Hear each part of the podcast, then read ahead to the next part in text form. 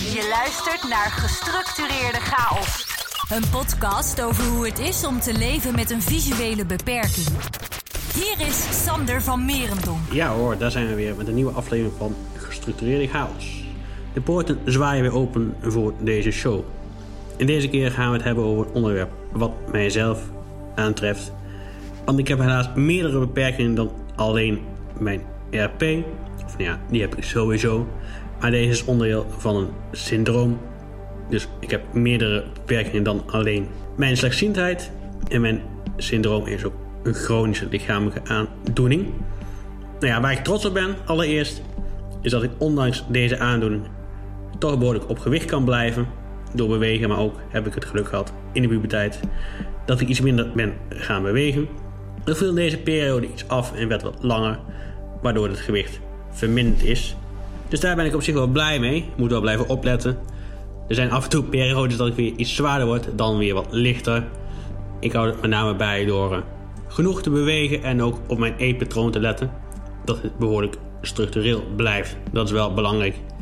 Met het syndroom wat ik heb, waar ik mijn hele leven lang last van zal blijven houden. Dus moet ik hier ook mijn leefstijl op aanpassen, helaas. Het is niet anders. Gestructureerde chaos. De podcast die orde op zaken stelt. Nou, je zult je dus afvragen, wat is het voor een syndroom? Hoe heet het? Het heeft een heel moeilijke naam en het is ontdekt in Frankrijk door de heer Laurence Moon. En daarna ook door Bardet Bidon. Je kunt op twee namen vertellen. Of het is het Laurence Moon syndroom of Bardet-Bidel syndroom. Het komt heel weinig voor op de wereld. Ja, niet dat het niet voorkomt. Maar het komt met name voor bij mensen die familie van elkaar zijn, verwant zijn. Je ziet het veel bij nomaden, als Volendam.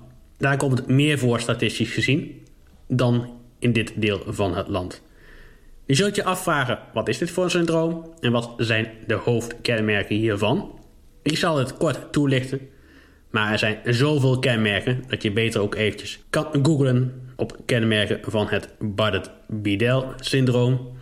Dit spel je als volgt Bernard, Anton, Rudolf, Diederik, Eduard, Theodor.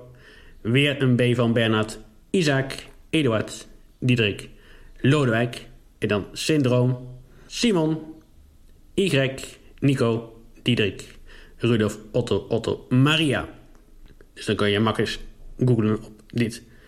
En dan vind je een hele waslijst aan kenmerken. Ik zal me nu even gaan beperken tot de dingen waar ik mee te kampen heb. Dat houdt het een beetje overzichtelijk. Nou, allereerst, zoals bekend, mijn visuele beperking.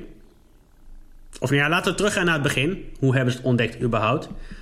Eerst natuurlijk mijn visuele beperking die ontdekt werd, omdat ik, zoals eerder verteld, in het donker tegen een auto aanliep, wat mijn ouders best wel vreemd vonden, moet ik zeggen.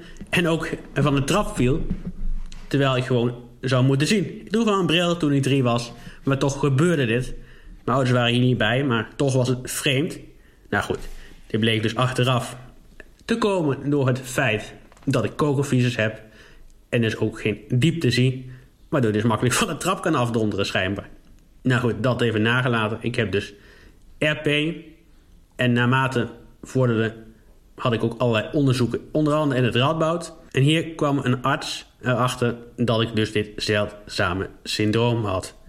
Niemand had er ooit van gehoord in mijn familie, mijn ouders ook niet. Dus die gingen toen op zoek naar informatie. Logisch ook. Deze informatie was gelukkig beschikbaar bij bepaalde personen, dus dat is wel fijn voor hun geweest. Zoals ze het ook konden vinden. Nou, even terug naar de kenmerken. Deze is dus allereerst de slechtziendheid. Bij mij de retinitis pigmentosa. Dit mag je gelijk vergeten. Dit is een moeilijke Latijnse naam. Maar het komt erop neer dat ik een netvlies aandoening heb. Wat mij, dus het geval, kokervlies Dit moet je een beetje vergelijken met een kogeltje van wc-papier of zo. En dan ook nog water doorheen. En als ik mijn oog scherp probeer te stellen, is er ook nog nystagmus met een moeilijk woord zichtbaar. Daarnaast heb je ook te maken met een bepaalde fitzig waar ik het in het intro trotsblokje over had. Hier kun je vaak niet veel aan doen, omdat het behoorlijk chronisch is. Het zit dus van binnenuit en je kunt heel weinig proberen te eten, maar vaak word je dan toch behoorlijk zwaar. Ik had hier ook last van in mijn kindertijd. Dus op een gegeven moment had ik ook een bepaald dieet. Volgens mij was dit het stippendieet. Waar je in ieder geval uh, ja, om moet letten hoeveel calorieën je had. Wat nu tegenwoordig ook weer een rage is. Ik begon onder andere kasses te drinken. En volgens mij ook uh, in ieder geval iets zoets op brood. Mijn naam in ieder geval eventjes kwijt. Wat ervoor zou moeten zorgen dat het gezonder was om te eten. Maar goed, ik werd er helemaal gek van. Dus ik ben er op een gegeven moment gelukkig maar weer gestopt. Want uh, ja, dat is niet echt iets wat bij mij past. En je moet altijd kijken naar maatwerk. Daar ben ik eerlijk van overtuigd. Dus dit werkte niet voor mij. Een ander feit is dat je nieren kunnen verslechteren. Dus ze staan al jaren onder controle. Het gaat gelukkig goed. Maar ja, het blijft toch een zorgenkindje, ook voor mezelf. Iets wat toch een beetje in je achterhoofd blijft spoken. Het enige wat je hier aan kan doen, is gewoon opletten dat je zo min mogelijk zout eet. En ook gebruikt als je aan het koken bent. Dat is het enige wat je hieraan kan doen. Het is toch beter voor jezelf en voor je gezondheid. Iets anders wat hier nog bij komt is ook dat je verstand wat minder kan zijn. Hier heb ik gelukkig geen last van, dus dat scheelt. Maar het is iets wat kan voorkomen. Andere dingen vanuit het syndroom waar ik zelf op dit moment last van heb. Het is een hele waslijst, maar een aantal dingen die ik nog graag aan wil toevoegen in dit rijtje is een hogere spierspanning. Dus vaak als ik opsta heb ik al spierpijn of kan erin schieten. Hier kan ik helemaal niet zoveel aan doen. Ook omdat mijn skelet iets anders uitziet als normaal de bedoeling zou zijn. En daarnaast ook behoefte aan structuur en moeite met het nemen van initiatief. Dat schijnt ook bij het syndroom te horen. Dus dit zijn allemaal dingen waar je rekening mee houden en wat mijn leven ook extra, nou ja extra, het belemmert een beetje. En wat ik in het begin ook al zei, je moet je leven nou eenmaal gewoon op inrichten en dan is er niet zo heel veel aan de hand, denk ik. Dat zijn gewoon extra dingen waar je gewoon op moet letten en gelukkig. Jij hebt niet zo last van die vetzucht dat het scheelt. Want ja, het is niet goed uh, voor iedereen. Op dit moment wordt er ook een hoop onderzoek gedaan naar dit syndroom.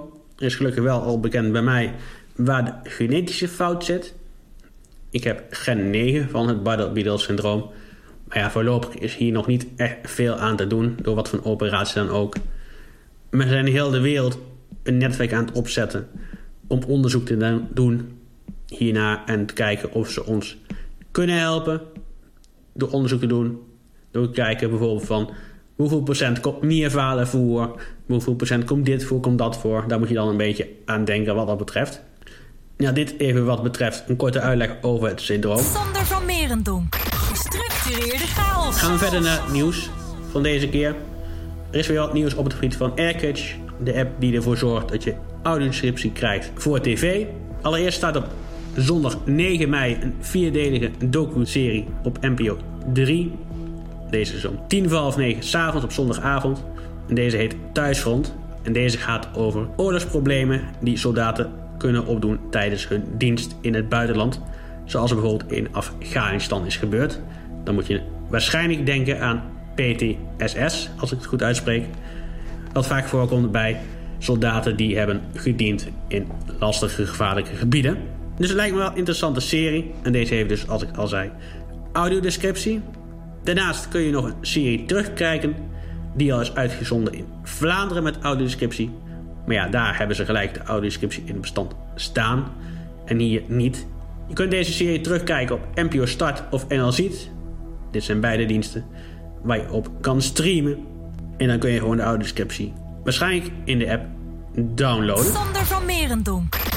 Gestructureerde chaos. Ook is er weer nieuws over programma's, voorstellingen die in het theater gaan verschijnen. Deze lijst is aangevuld met ook een voorstelling van Vis en Vis. Dit is een groot schouwspel in Almere aan de strand. En hier ieder jaar weer een voorstelling. Dit jaar heeft hij de titel Wild meegekregen, of Wild. Ik heb geen idee hoe je dit uitspreekt. Maar gok op Wild. En deze show vindt plaats op 19 september. Tickets zijn al te koop. Dit geldt ook voor de Sound of Music. Hier zijn al drie voorstellingen voor aangekondigd. Deze zijn in Koning Theater Carré, het Theater in Eindhoven en Hofhuis in Apeldoorn. Dus dit zijn de shows die zijn aangekondigd op dit moment. Want de theaters zijn natuurlijk nog dicht door COVID, maar ze gaan waarschijnlijk binnenkort toch wel weer open. Verder zijn het museum, het ervaringsmuseum voor blinden en waar ik later uiteraard nog een keer op terug zal komen. Gestructureerde chaos met Sander van Merendonk. Bartimeus en Accessibility een samenwerking aangegaan om ervoor te zorgen dat blinden en slechtzienden nog meer kansen krijgen en nog meer mee kunnen doen. Dit lijkt me gewoon een hele goede zaak voor alle partijen, voor iedereen. Dat ook wij gewoon normaal kunnen participeren in de samenleving. Dat is voor iedereen handig en verstandig lijkt me zo. Maar dan als laatste heeft de firma Babbage aangekondigd dat ze op 19 mei een bijeenkomst houden voor bedrijven om ervoor te zorgen hoe ze toegankelijk kunnen blijven. En daarnaast hebben ze ook een nieuwe braille leesregel uitgebracht. Dit is de braille HimSense 6. En deze is gelinkt met Google. Hier kun je gewoon makkelijk apps downloaden uit de Google Play Store en dat soort zaken. Ook zijn de terrassen sinds kort weer open. En dit zorgt er natuurlijk voor dat er weer meer obstakels op de straat komen. Ik ervaar het zelf nu ook al als ik buiten loop. Dat ik weer vaker moet stoppen en moet opletten wat ik daar tegenkom. Dus zorg daar ook voor. Want het percentage is nog steeds hoog dat hier niet van afweet. Of te weinig van afweet. Dit percentage ligt helaas nog steeds op de 56%. Wat best wel hoog is natuurlijk. Dus daarom is het des te belangrijk dat wij de medemensen hier bewust van blijven maken. Dat het belangrijk is dat je geen obstakels zet op natuurlijke of bepaalde geleidelijnen die voor ons zijn neergelegd. Dit is gewoon niet handig. Nog even voor de duidelijkheid: geleidelijnen zijn, van die witachtige ribbels die op perrons en bepaalde punten op straat tegen kan komen. Soms zijn ze ook nergens naartoe, maar goed. Niet iedereen weet precies hoe ze ze moeten leggen, gebruiken. Dus misschien is daar ook nog een taak in. Wie zal het zeggen? Maar goed, dat even terzijde. En je kunt ook nog steeds houd de lijn vrij tegels bestellen. Waarschijnlijk gewoon op www.houddeleinvrij.nl. Maar dit kan alleen gebeuren door gemeentes of instellingen. Dus dat uh, kunnen wij als burger niet doen. Dat is wel een beetje spijtig, maar goed. Het is wat het is. Ook is het niet verstandig om geleidelijnen te blokkeren door obstakels zoals prullenbakken, containers, enzovoort, enzovoort. Geleidelijnen mag je ook niet afleiden, want hierdoor kunnen gevaarlijke situaties ontstaan, botsingen, blessures en dergelijke. En dit is voor niemand fijn, niemand handiger. Dus probeer het ook te voorkomen. Wat je ook moet proberen te voorkomen is het weigeren ervan. Want in principe voelt het dan alsof je de gebruiker zelf weigert. Maar ja, dat is natuurlijk helemaal niet het geval. Dat wil je niet. Dus probeer het ook te voorkomen. En ik snap heel goed dat het soms lastig is voor een restaurant of horecazaak. Want je zit er altijd met die hygiëne. Maar ja, dit hoeft helemaal geen probleem te zijn. Want ik zelf probeer altijd te voorkomen dat mijn hond in ieder geval in de keuken komt. Door hem gewoon aan de riem te houden en de riem onder mijn kont te stoppen. In ieder geval er een beetje controle over te houden. Zodat de hond niet weg kan lopen en zeker niet in de keuken kan komen, want dat wil ik gewoon niet hebben. Als gebruiker zelf dan. En verder, artikel 1 nog steeds. Je mag mensen met een beperking nog steeds niet discrimineren. Nou ja, je mag gewoon niemand discrimineren natuurlijk. Dat is nooit goed. Maar dit is een tijd geleden toegevoegd aan dit belangrijke grondwetartikel. Dus probeer dit hier aan te denken dat je dit niet doet. Probeer ook zomaar een blinde niet te laten oversteken. Dat is ook niet handig. En je kunt gewoon schrikken omdat je het niet ziet. Je mist een belangrijk zintuig om dit te controleren. Dus vraag altijd eerst aan diegene of die daadwerkelijk wilt oversteken. Of dat hij wel de taxi in wilt en dergelijke. Dus eerst vraag voordat je hem überhaupt de straat oversleept. Want die kun je gewoon een schrikreactie mee veroorzaken. En dat wil niemand, lijkt mij zomaar. Ook is het handig om op te staan er gebeurt hier ook nog veel te weinig, vind ik. Als je kijkt naar bijvoorbeeld Aziatische landen, gebeurt er toch meer. En dat zou toch handig zijn. Zeker omdat het nu ook weer drukker wordt in het verkeer. En als blinde niet altijd ziet. Ja, je kunt natuurlijk wel vragen van is hier een plek vrij. Maar toch gebeurt dat te weinig. Of nou ja, ik doe dat zelf te weinig, laat ik het zo zeggen dan. Dus uh, dat ligt ook een beetje aan de gebruiker zelf. Maar ook aan de omstanders. Eigenlijk aan beide partijen. Dus het zou heel fijn zijn, zeker als de bus met druk is, als je moet staan, dat je als ziende in zo'n situatie gewoon even een plek aanbiedt. Dat is wel zo vriendelijk, lijkt me zo, in de samenleving. Maar goed, helaas denkt iedereen op dit moment aan zichzelf. Nou ja, dat is nou de maatschappij helaas. Maar probeer ook een beetje aan de beperkte medemens te denken. Dat is wel zo sociaal wat mij betreft. Maar goed. En ook probeer de persoon zelf aan te spreken... in plaats van dat je de hond of de begeleider aanspreekt. Dit komt wel eens voor in winkels als je dingen gaat kopen. Maar een beperkte is niet meteen ook monddood. Die kan prima voor zichzelf praten. Het is gewoon een volwassen. Alleen heeft hij een beperking. Dus probeer als ziende gewoon tegen de persoon zelf te praten. En niet tegen de begeleider of de geleidehond. Want dat is gewoon niet fijn. En ook helemaal niet handig. Want je voelt je dan gewoon achtergesteld terwijl het helemaal niet nodig is. Dus doe dit vooral niet, wil ik zeggen. Overig nieuws en persoonlijk nieuws is natuurlijk dat er weer versoepelingen zijn plaatsgevonden wat betreft het coronabeleid. Ik noemde al eerder dat de terrassen weer open zijn, wel met voorwaarden. Je mag maar twee mensen aan een tafel zitten, ook uit dezelfde huishouding. Je moet natuurlijk reserveren.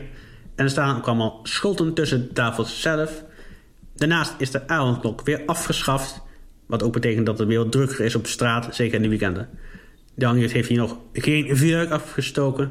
Ik was er even bang voor, maar dat is nog niet echt gebeurd. Ook mogen er weer meer mensen bij grafenissen zijn en kunnen er weer theorie-examens worden afgenomen voor de rijles. Dus dat zijn er met name.